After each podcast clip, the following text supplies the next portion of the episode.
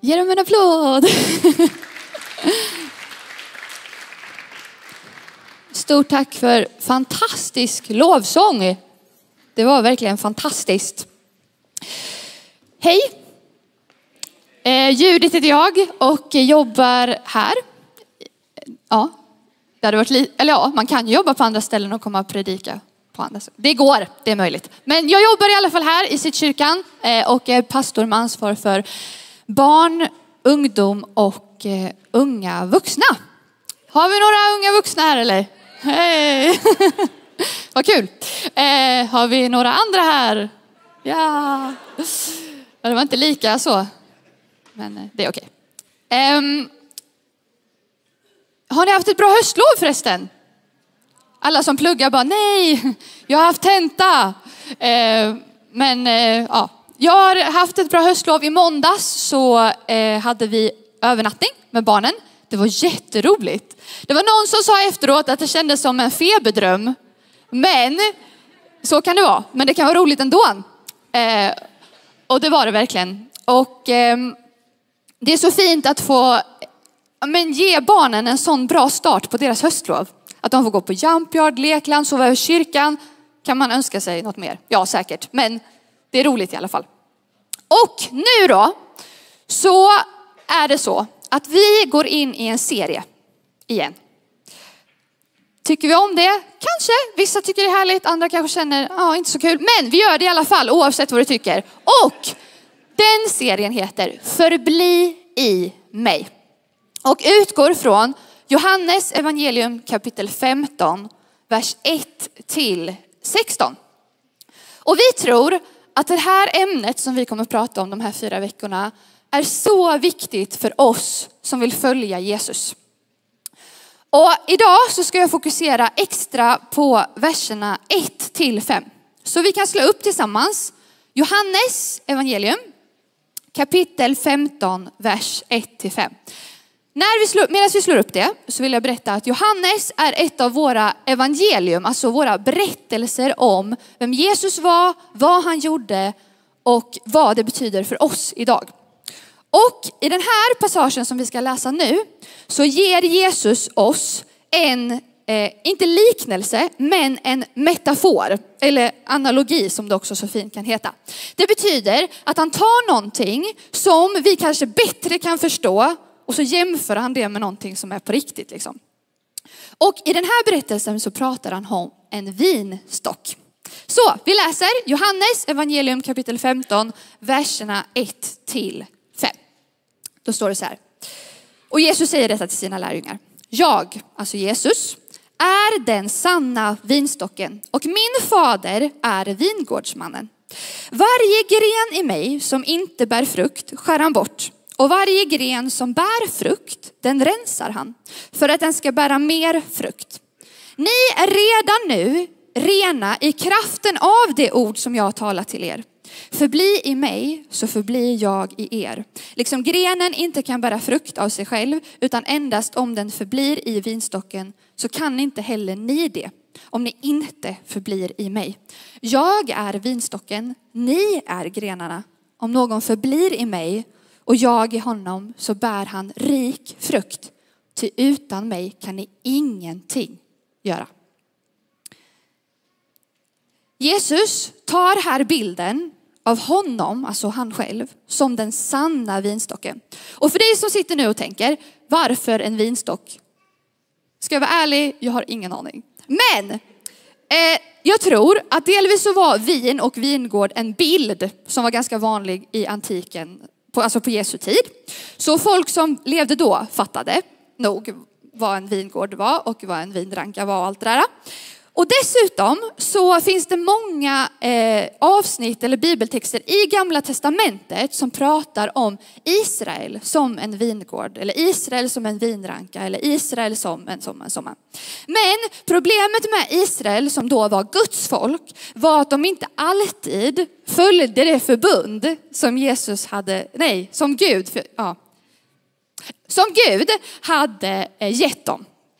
Eh, men Jesus är den sanna vinstocken. Jesus kommer ur Guds folk, alltså ur Israel. Men till skillnad från Guds folk som har misslyckats så är Jesus den sanna vinstocken. Alltså han som inte har misslyckats utan som är perfekt. Och därför så säger han att jag är nu den sanna vinstocken.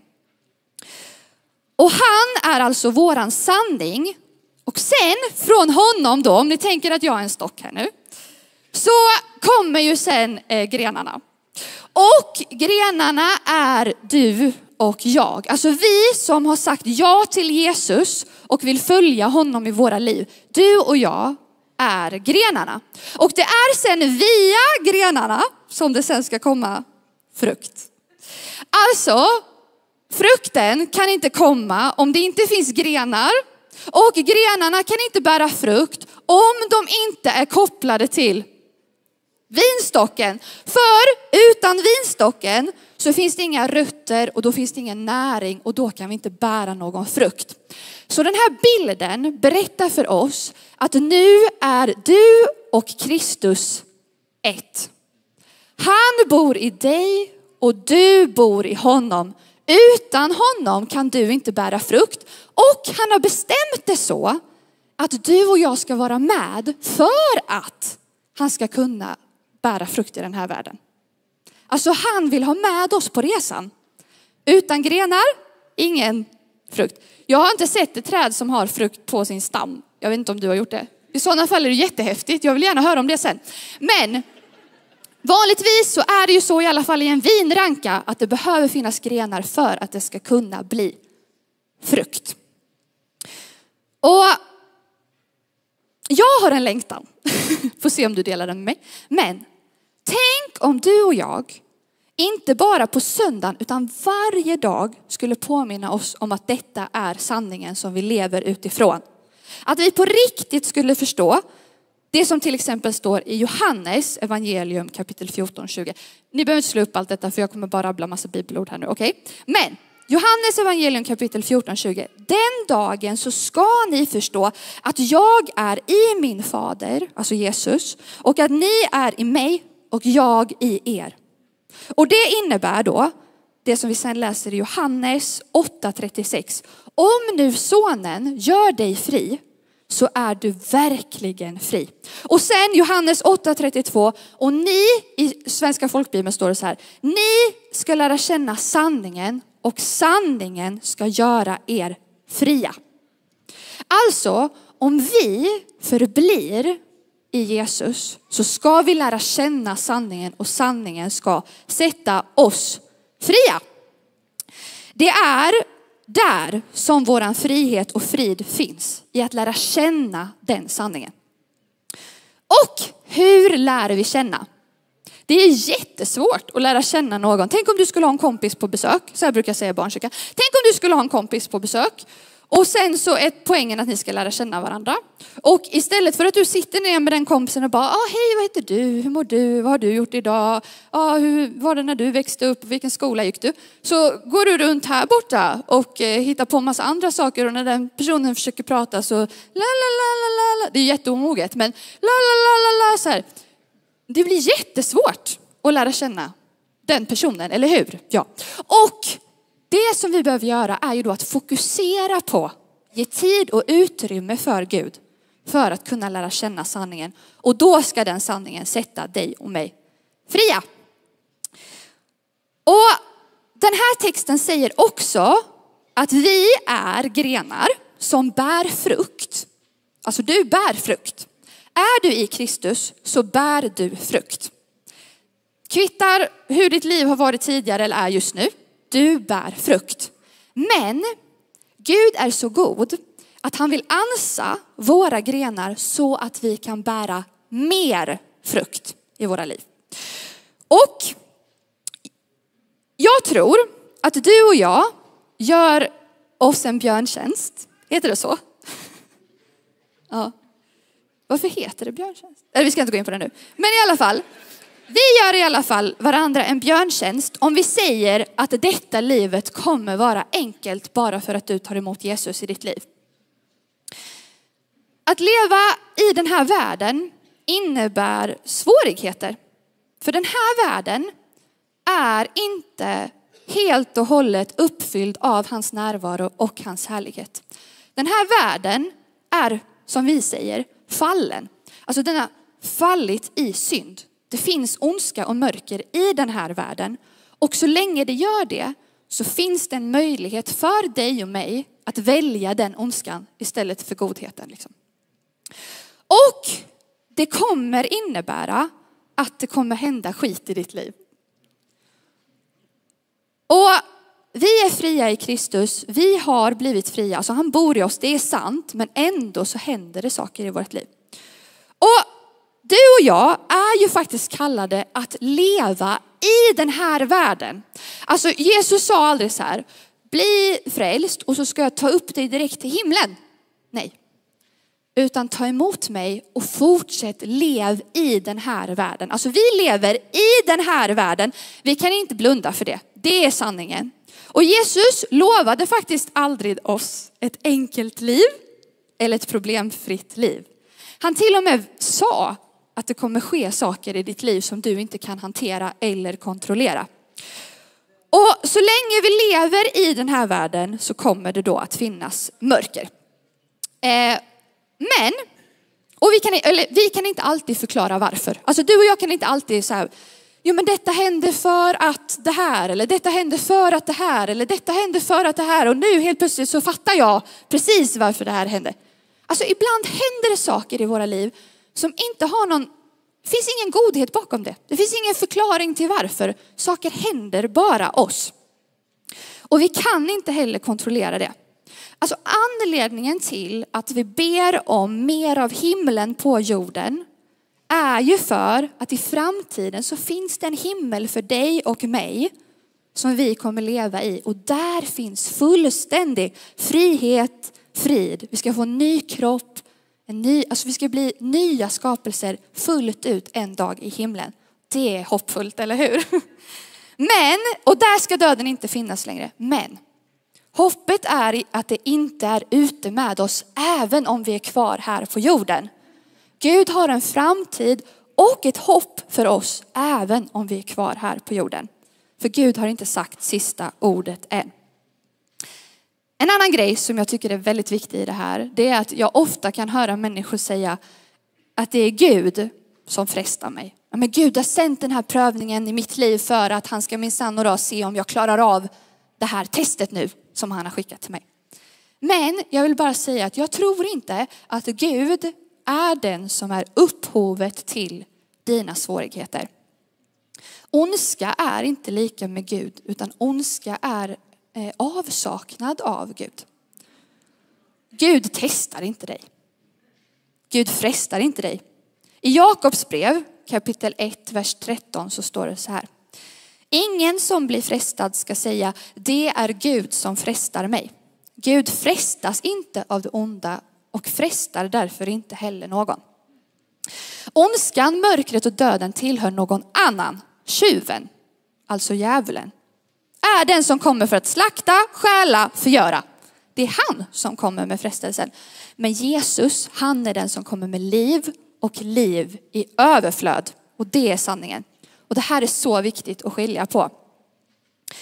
Däremot så visste han att vi skulle utstå prövningar för att vi lever i den värld vi lever i. Prövningen är ändå ett faktum. Alltså svårigheten är ändå ett faktum. Och vi behöver inte vara förvånade ens över om prövningen kommer i våran väg.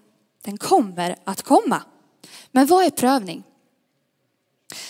Prövning i Bibeln handlar först och främst om förföljelse och svårigheter. Alltså det oförutsägbara i livet snarare än ett prov och ett test som Gud har gett dig och mig för att se om du vet hur man är en god och bra kristen.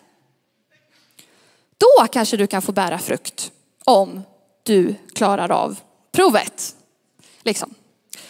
Eh, men vi bär faktiskt frukt i våran brustenhet.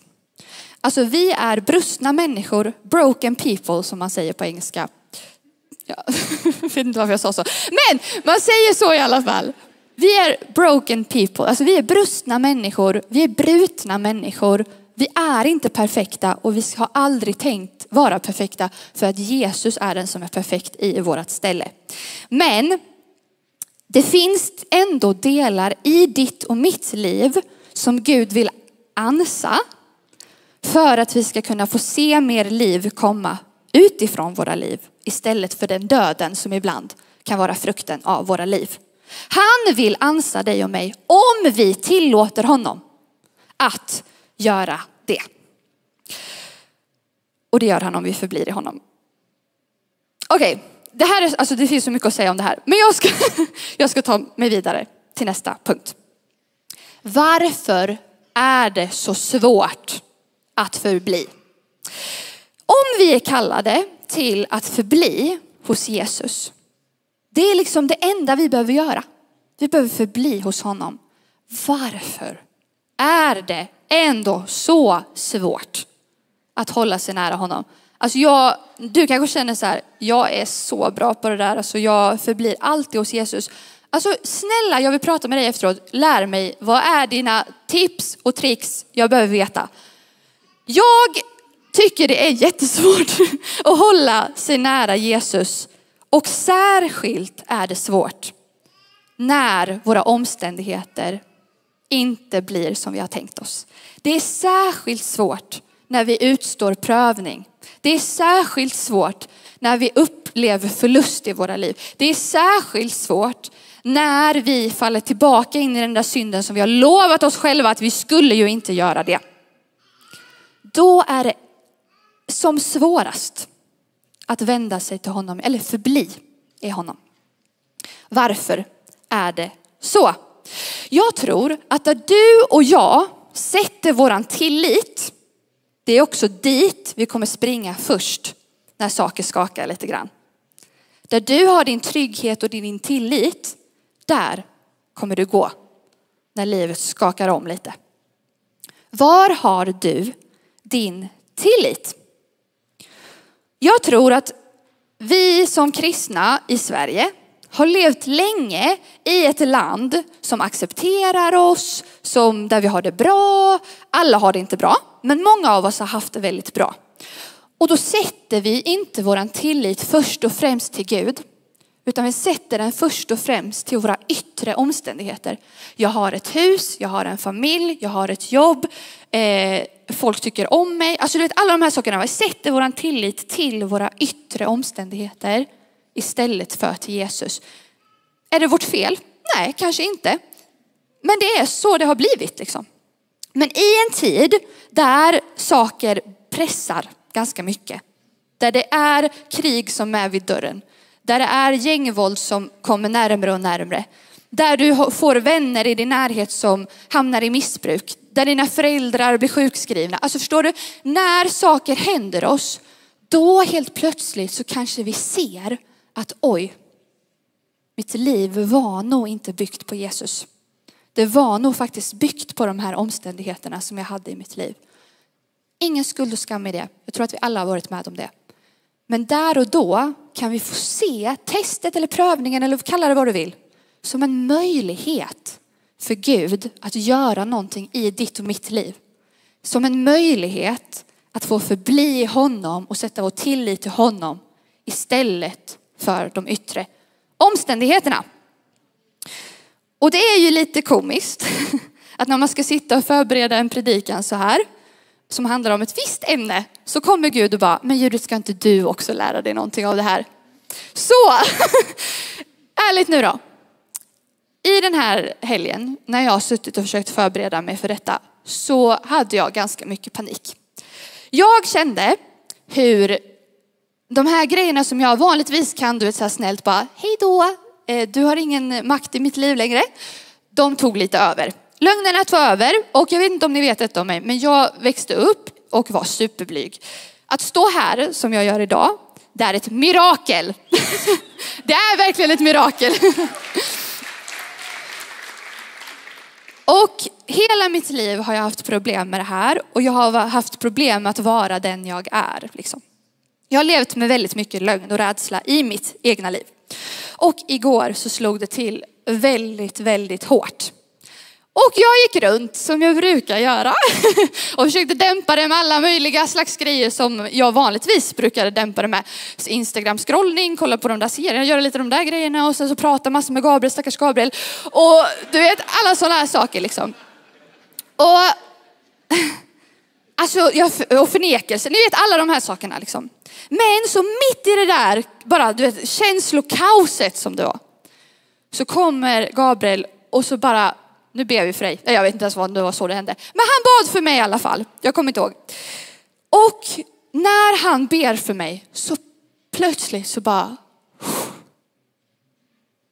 så kommer friden in i mitt hjärta.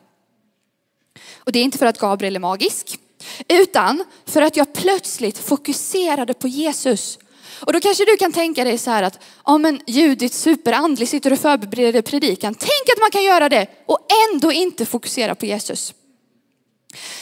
Det är så lätt för oss att låta rastlösheten ta över istället för att stanna upp och lyssna till honom och fokusera på honom.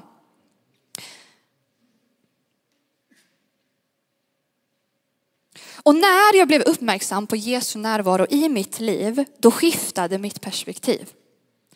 Istället för alla de här negativa tankarna som att jag kommer inte klara det här och det kommer inte gå bra och undrar vad alla ska tycka och tänk om jag inte gör det lika bra som förra gången. Alltså alla de här sakerna, de försvann.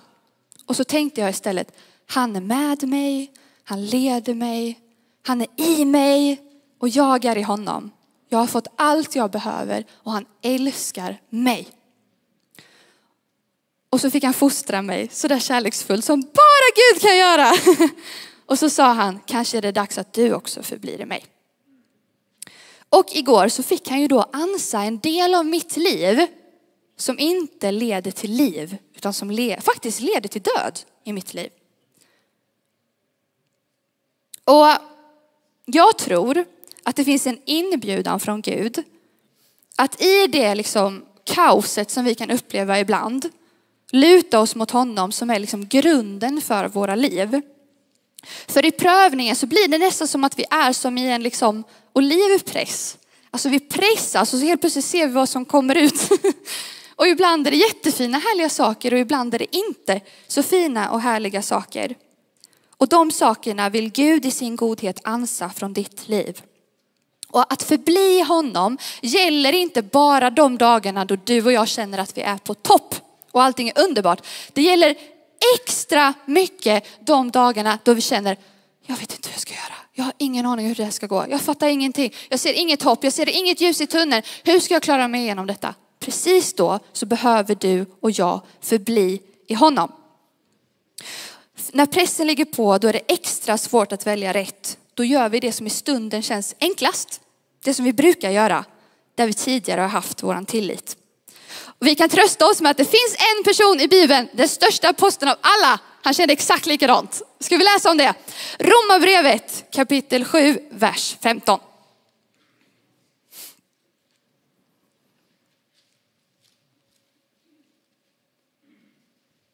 Romarbrevet kapitel 7, vers 15. Han säger så här, Paulus alltså. Alltså jag kan inte fatta att jag gör som jag gör. Det jag vill, det gör jag inte. Men det jag hatar, det gör jag. Och i vers 18 står det, 18? 18 står det. Jag vet att det inte bor något gott i mig, det vill säga i mitt kött. Viljan finns hos mig, men inte förmågan att göra det goda. Det goda som jag vill gör jag inte, men det onda som jag inte vill, det gör jag. Alltså synden drar dig och mig bort från honom. Istället för att välja att vara kvar så vill den att du och jag ska vända oss om och ta ett steg längre bort från honom. Och då är det extra svårt att förbli. Dorotea, kan inte du komma upp hit? Jag ska visa en grej. Om eh, Dorotea får vara Jesus en stund, du kan stå här. Dorotea Jesus. Och eh, vi tänker oss, det är okej att kramas va? Vi tänker oss att egentligen så är vi så här liksom nära Jesus. Han till och med bor i oss. Men när pressen ligger på så har du ett val. Du kan välja att förbli honom eller så väljer du att vända dig från honom. Och ofta tror jag att det vi gör är att vi väljer bort honom. För att det liksom bara på något sätt ligger i vår natur. Det är det lättaste att göra. Det svåraste är att förbli honom. Och då kanske det är så här att du har en jättetuff dag på jobbet en morgon, eller en dag. Och så bara, nej, alltså jag är så trött på det här, jag orkar ingenting, det här funkar inte, det här kommer inte gå. Och så vänder du dig ett steg bort från honom. Och sen nästa morgon, lite, ni ser lite avstånd, du kan stå kvar, lite avstånd. Och sen nästa morgon så bara, äh, du bråkar med dina barn. Det blev inte som du hade tänkt dig. Du kände dig som den sämsta mamman eller pappan på jorden. Och så talar du det till dig själv. Jag är så dålig mamma, jag är så dålig pappa. Och så tar du ett steg längre till bort från honom. Och så varje gång någonting som liksom händer i ditt liv som kommer med den här skulden, skammen, förmågan, viljan att synda. Så bara dutt, dutt, dutt, dutt, dutt. Och helt plötsligt så är du här borta. Och jag säger inte att egentligen så är det så att Gud nu är långt borta från mig. Jag tror fortfarande att han är nära mig. Men jag tror att detta hjälper oss att se att nu finns det massor med utrymme här för saker att blockera min bild av vart är Gud, vem är Gud? För jag tror ju på alla de här, jag vill inte ta upp massa folk som representerar lögner, det känns lite fel. Men du förstår, föreställ dig att alla de här lögnerna står här nu liksom och blockerar min bild av vem Jesus är. Men om jag istället skulle förbli honom, alltså när jag känner att jag är så himla ful, jag orkar inget, det här går inte och jag tar ett steg. Så nästa morgon så säger jag, nej vet du vad Jesus, jag tror inte på det här, det här är sanningen i mitt liv. Så tar du ett steg närmare honom istället. Och så nästa morgon när du vaknar så händer den där grejen igen och du tar ett steg bort ifrån honom. Men så säger du igen, nej Jesus, kom och fyll mig med din närvaro. Jag behöver dig idag. Och så tar du ett steg närmare honom igen. Så istället för att vara här borta, med alla de här lögnerna som är i vägen, så är du precis så här nära honom som han alltid har tänkt för dig att du ska vara. Vi behöver välja honom varje dag. Kanske till och med varje minut av ditt liv. Jag vet inte hur många lögner som finns i din hjärna. Ge Dorotea en applåd.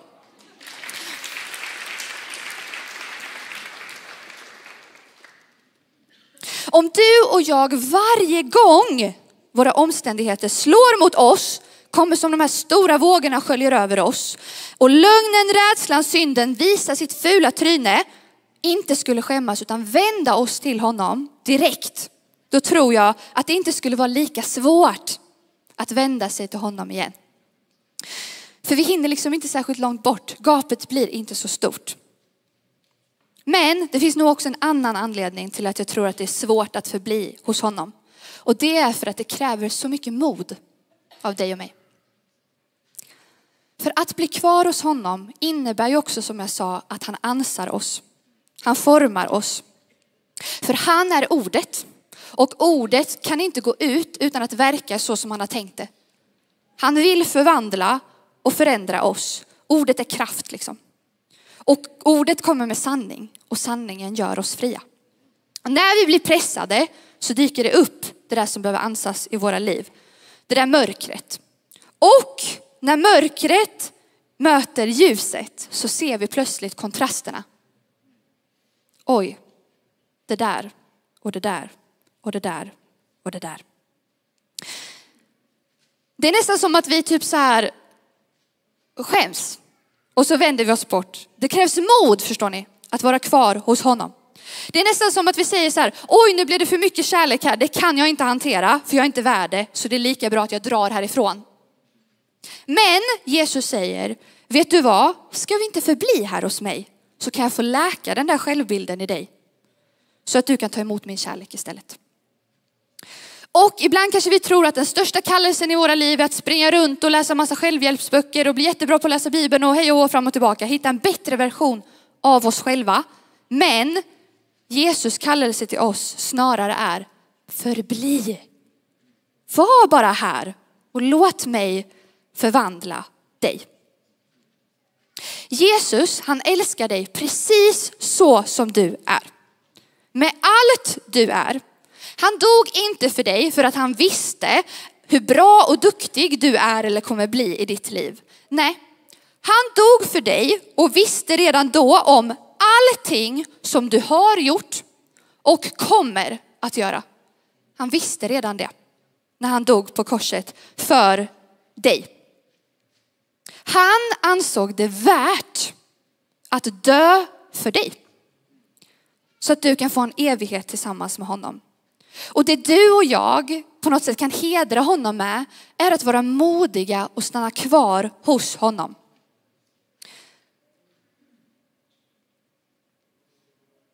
Alltså han ansåg att du var värd att dö för. Fattar ni det eller? Ibland tror jag inte riktigt man fattar det. Jag fattar nog inte det alltid.